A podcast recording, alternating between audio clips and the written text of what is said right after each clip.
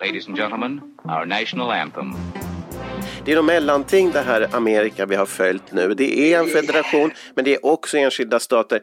Det, det är inte som Brexit men är det verkligen som Gästrikland undrar man. Det är inte nej, riktigt... nej, precis. Men, ja, men det där var bra, bra exempel för att, att eh, jag menar idag är, är det svårare att tänka sig att någon, någon delstat skulle bryta sig ut från USA men på, på den tiden så var lojaliteten mot den egna delstaten ofta starkare än mot landet, det vill säga min lojalitet mot Finland är större än min lojalitet mot EU om vi ska Ja, säga så. ja, ja. Då syd, sydstaterna bryter ut så, så då, då vill Lincoln förstås ge befälet åt den dugligaste officer som finns i amerikanska armén.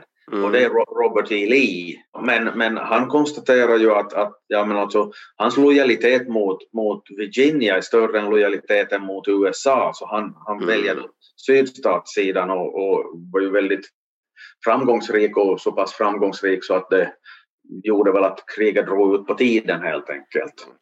Att ett krig är nödvändigt för att lösa den här konflikten. Vi har slavfrågan, vi har unionsdesertörerna eh, så att säga, de bryr sig ut ur unionen. Vad är det för någonting som man tror kan lösa någonting med ett krig? Alltså hur kan det bli ett krig? Varför kan man inte lösa det på annat sätt?